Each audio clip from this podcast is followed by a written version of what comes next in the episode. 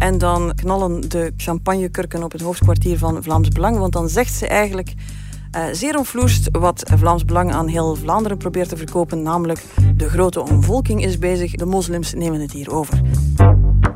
We maken graag nog een paar punten voor we op vakantie gaan. En dat doen we zoals altijd laat op de avond op de redactie van het Nieuwsblad in Antwerpen. Met z'n tweeën in het Punt van Van Impe, de Actua-podcast van het Nieuwsblad. Met hoofdredacteur Liesbeth Van Impe en met mezelf Jeroen Roppe. Dag Liesbeth. Dag Jeroen.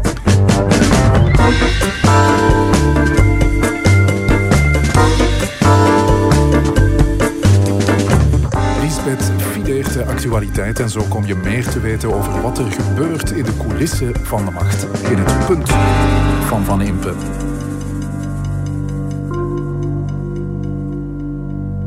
Zeg nu zelf, Lisbeth, er gaat weinig boven een goed glas wijn. En ik denk dat ik er weer een gevonden heb. Je weet dat ik blij ben als jij een fles wijn meebrengt. En zeg me, van waar komt hij? Hij komt, zoals altijd, uit eigen land. En hij komt uit de snelst stijgende wijnprovincie in Vlaanderen. En dat is dat moet bijna Limburg zijn. Inderdaad, daar gaan ze richting de 40 professionele wijnbouwers.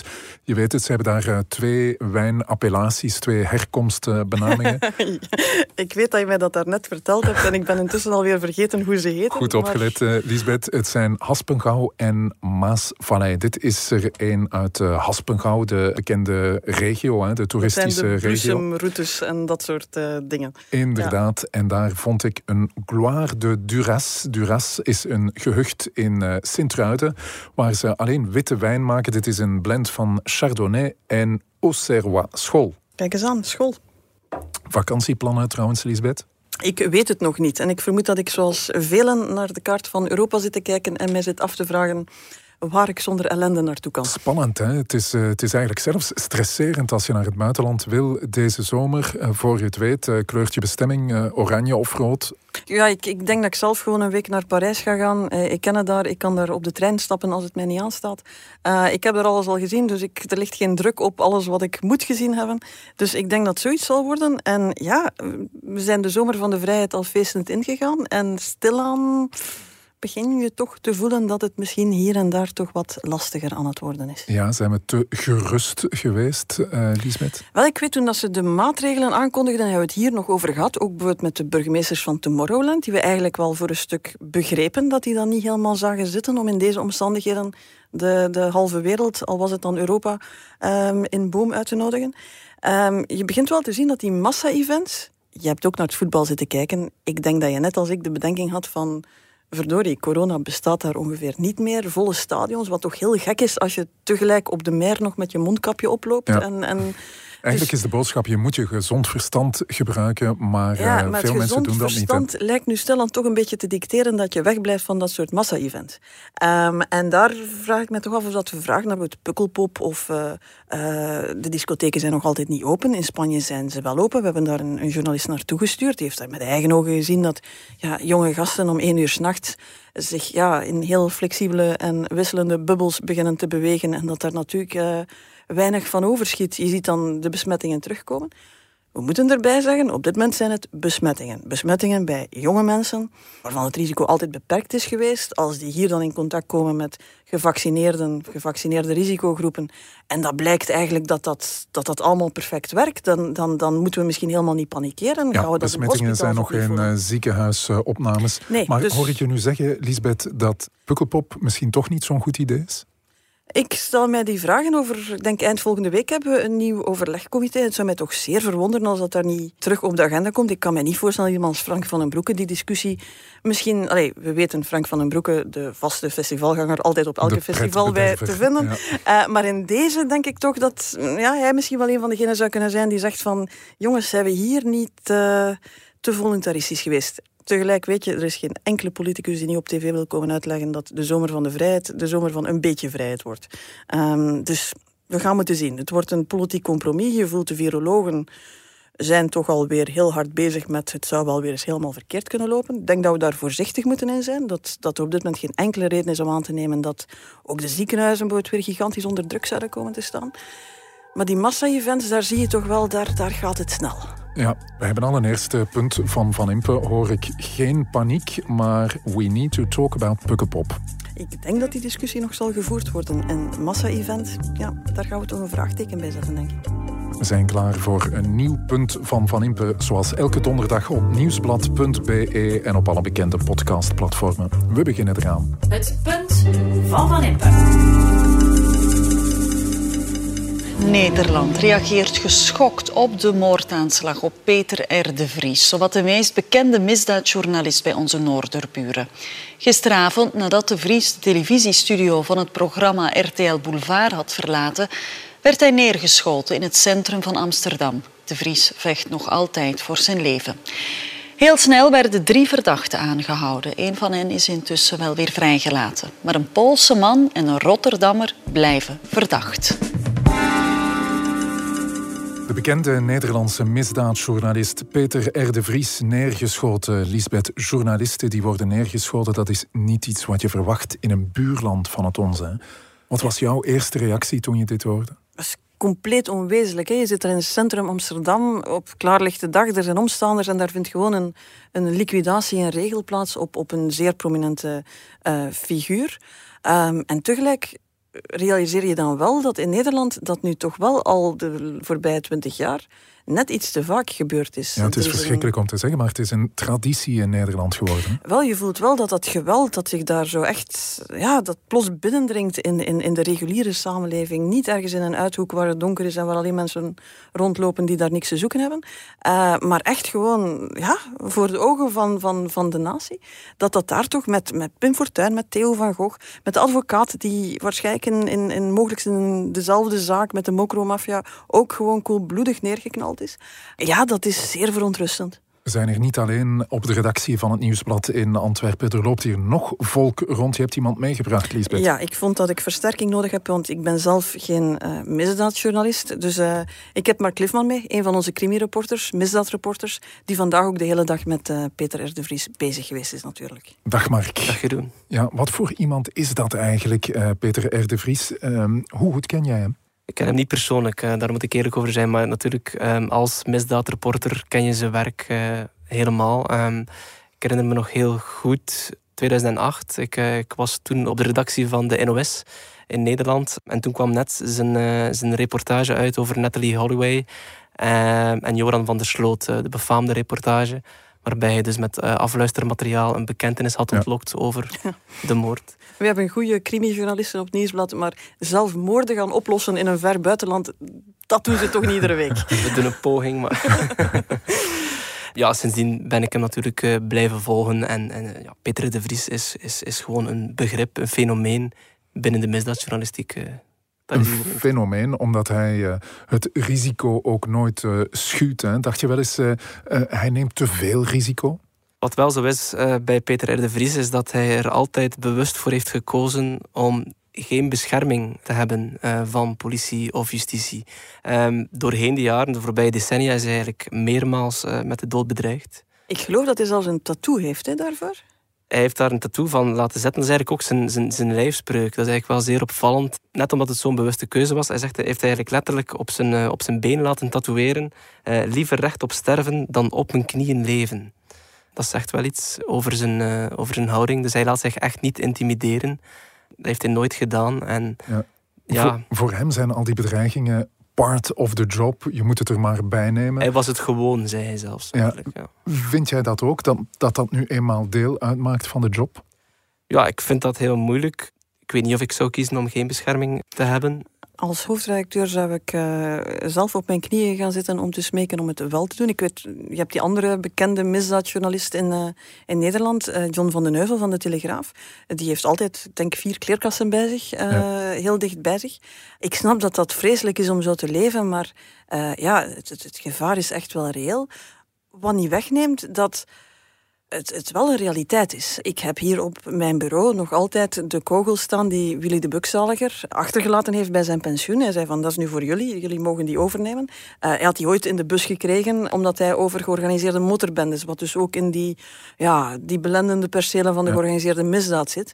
Uh, ik geloof dat jij ook al... Ja, ik heb het zelf ook wel eens meegemaakt dat ik om, uh, om, om elf uur s'avonds een, een telefoon kreeg van een privénummer van iemand aan de lijn die zei, ja, die zei van ja, ik ben van een uh, georganiseerde motorbende en uh, heb jij dit artikel geschreven over de, een van onze leden weet dat wij daar niet zo mee gediend mee zijn en je weet wat dat betekent. Ja. Goed, kan je zeggen, dan, dan ga je niet lekker slapen om 11 uur. Dat Eh, kan ik mij voorstellen, eh, dat je je wel vaker onveilig voelt.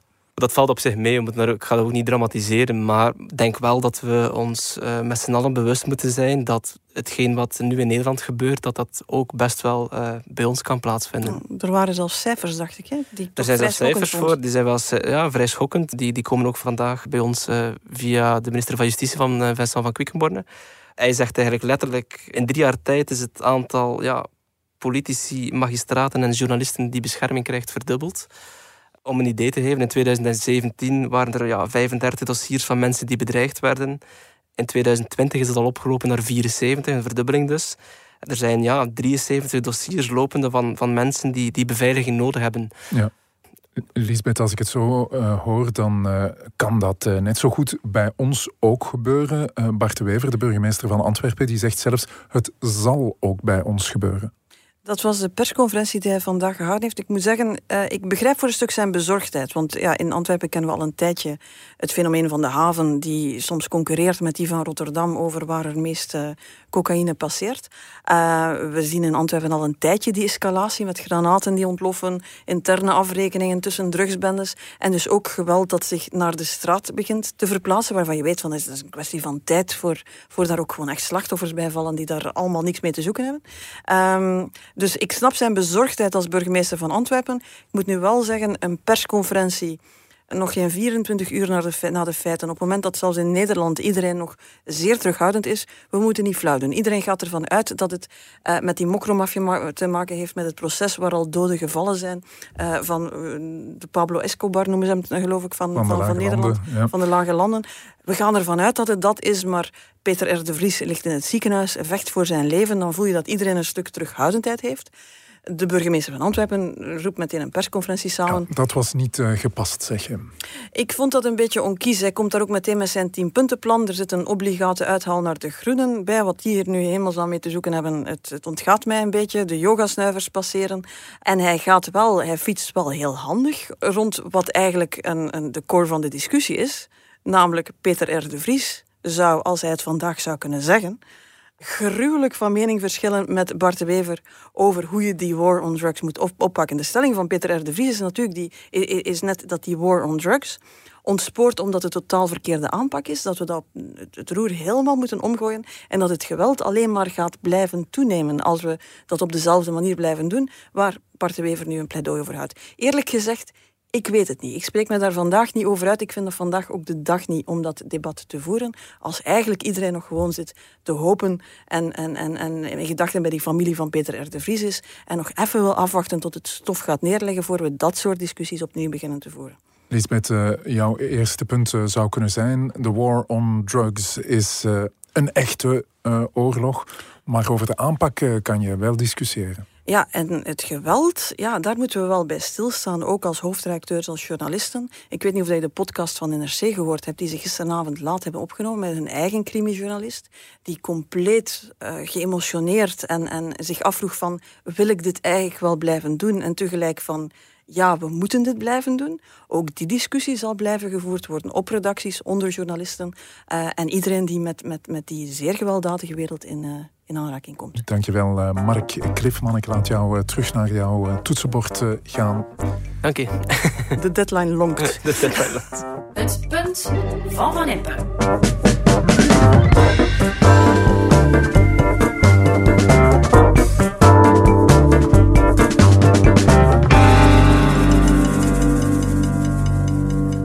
Op naar een volgend punt van Van Impe. Maar eerst herinner ik je graag aan de andere podcasts van het Nieuwsblad. Shotcast, de voetbalpodcast van het Nieuwsblad. De koers is van ons tijdens de Ronde van Frankrijk. En dan zijn er nog de podcasts Stemmen van Assise, Slimmer Leven en Café Praat. Deze week met William Boeva.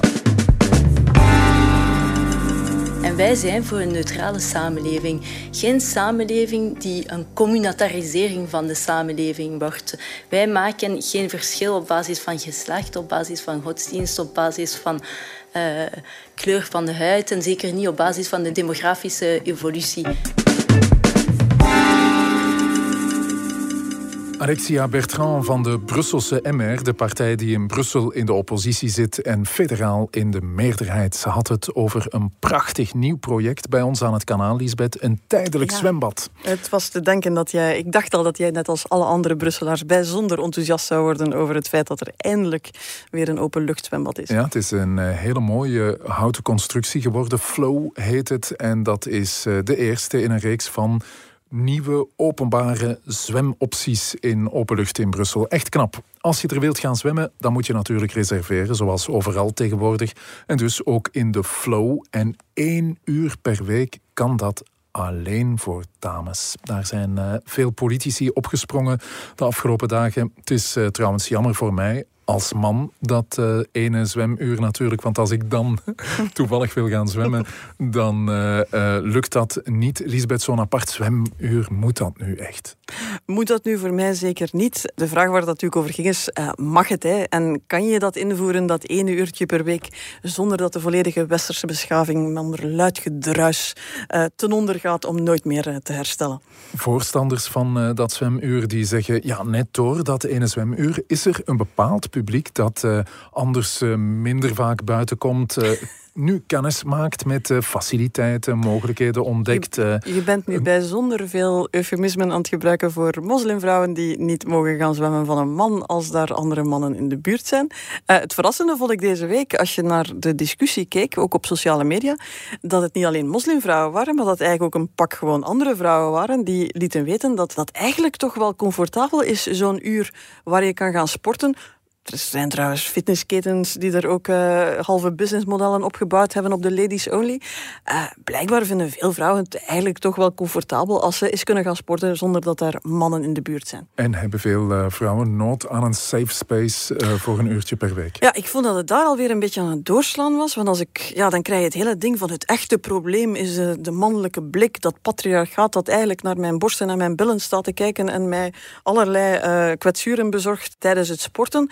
Ik dacht van, kunnen we misschien gewoon zeggen dat vrouwen het misschien af en toe wel fijn vinden om een context te hebben waar ze zonder mannen onder elkaar kunnen gaan sporten. Dat dat voordelen heeft, dat dat niet is omdat alle mannen agressoren zijn.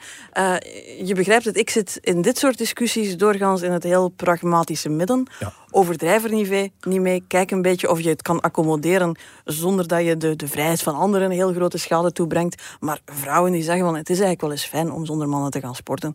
Ik zie daar niet het einde van de westerse beschaving in. In dit soort discussies moeten we pragmatisch zijn. Zeg je, moeten we dat ook zijn als een regeringscommissaris insinueert dat de scheiding tussen kerk en staat ook moet rijmen met de demografische evolutie? Korte antwoord, nee, op geen enkele manier, never, jamais de la vie. Ja, het was uh, Isan Awash die dat zei. Ken je haar nog, Isan Awash? Ja, ik denk wel dat we ze nog eens moeten uh, introduceren, want in Brussel is ze denk ik intussen heel bekend, maar in Vlaanderen is er zo'n echo van daar was al eens een relletje rond. Ja, zij is uh, regeringscommissaris bij het Instituut voor de Gelijkheid van Mannen en Vrouwen en was eerder al eens onderwerp van controverse omdat ze stevast de hoofddoek draagt. Ja, ze claimt het recht om een hoofddoek te dragen. En uh, ze is daarbij gebotst op Georges Louis, Boucher. We hebben het al over Boucher gehad. Bedoel, als hij uh, beslist dat hij zich ergens op wil profileren, dan gaat het plots heel hard.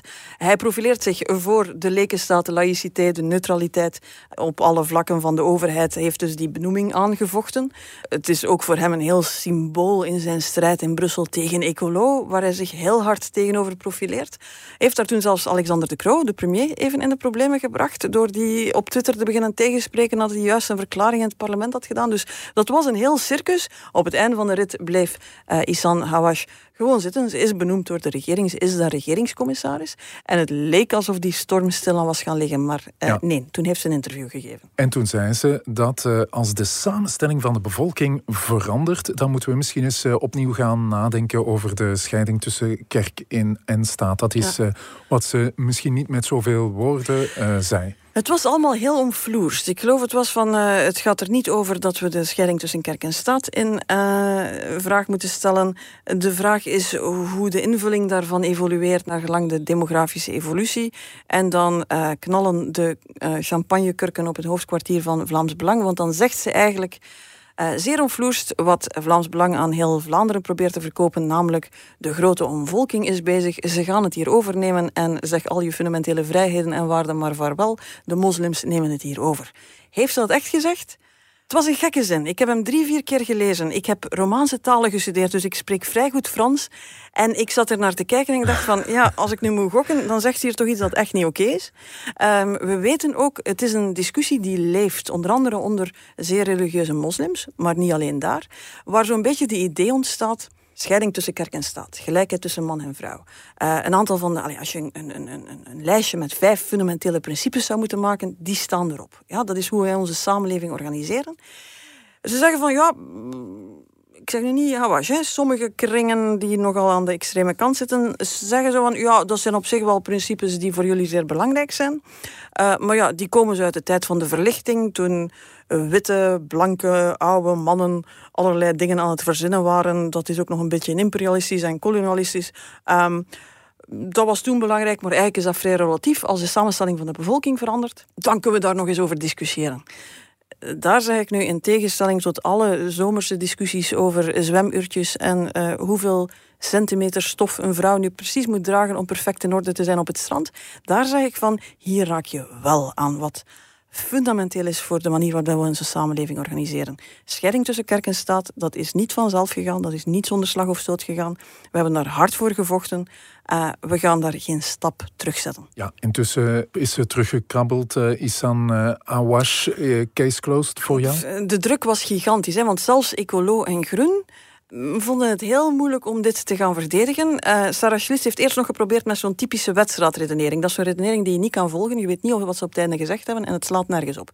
Um, wat ze zei is van, ja, Isan Hawash is een regeringscommissaris, wat betekent dat ze het instituut moet controleren. Dus ze spreekt nog voor de regering, nog voor het instituut. Kom daarmee buiten om te zeggen dat er niks aan de hand is. Ik bedoel, niemand volgt nog.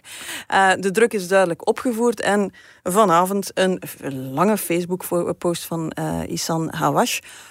Om te zeggen dat ze zeker niet bedoeld heeft dat de scheiding tussen kerk en staat uh, zou in vraag gesteld moeten worden. Ja, heeft ze jou daarmee overtuigd? Niet helemaal, om een aantal redenen. Uh, het is een lang statement om te zeggen dat ze één niet goed besefte dat ze, ja, dat ze geen professioneel is van de communicatie. Dat ik denk van, dat is een heel hoog opgeleide vrouw, die weet heel goed wat ze zegt. Interviews, bij mij weten, worden doorgaans nagelezen. Je weet toch wat je aan het zeggen bent. Um, dus zomaar zeggen van ja, maar ja, ik ben eigenlijk verkeerd begrepen, vind ik een beetje flauw. Ik vind dat altijd flauw als ze daarmee afkomen, dus ook in dit geval. Um, vervolgens direct heel beschuldigend van ja, het zijn hier allemaal racisten die hier ook commentaar op geven. Dat ik denk van als je gat verbrand hebt, moet je op de blaren zitten. Misschien even gewoon zeggen van dit heb ik gezegd, ik had het beter niet gezegd en uh, eigenlijk bedoel ik het ook niet. Dat zou mij geloofwaardiger overgekomen zijn. En ze, ze verdrinkt het een beetje in ja, goed. Uh, ik had dat woord niet mogen gebruiken, waarbij ik me intussen afvraag van, ja, wat was je dan eigenlijk aan het zeggen? Maar goed, ze heeft gedaan wat ze moest doen.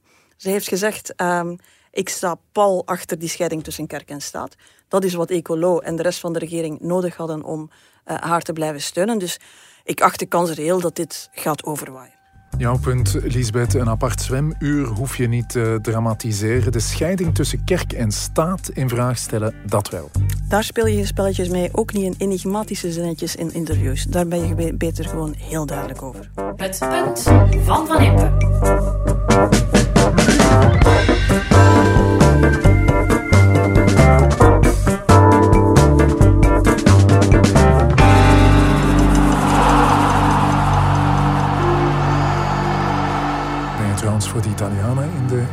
Lisbeth? Nee.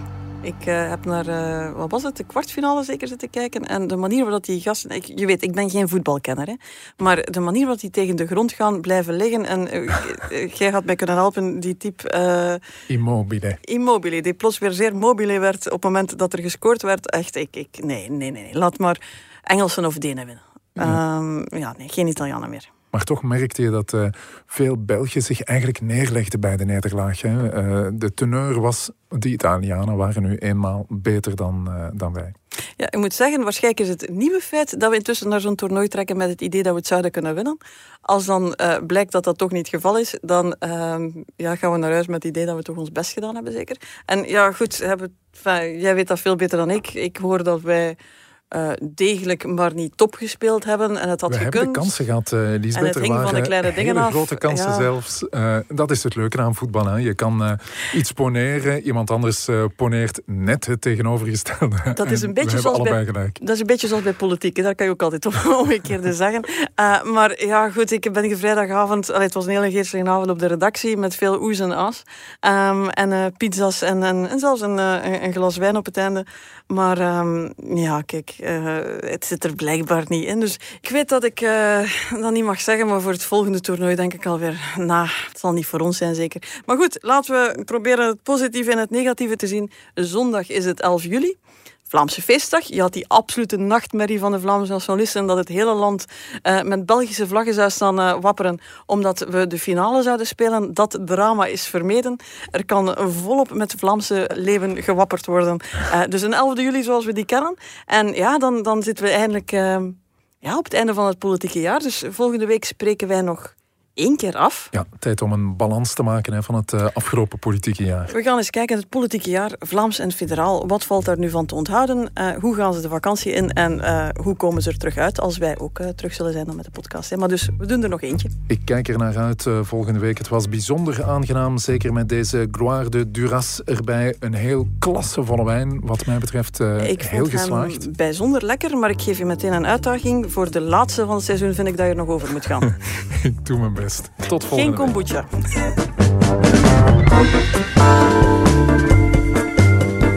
Dit was het punt van Van Impe, een podcast van het Nieuwsblad. Je hoorde de stemmen van hoofdredacteur Liesbeth Van Impe, van misdaadjournalist Mark Cliffman en van mezelf Jeroen Roppe. Dank aan de VRT voor de audio, aan Pieter Schevers voor de muziek en aan House of Media voor de montage. De productie was in handen van Bert Heijvaart en van Eva Michon. Tot het volgende punt van Van Impe.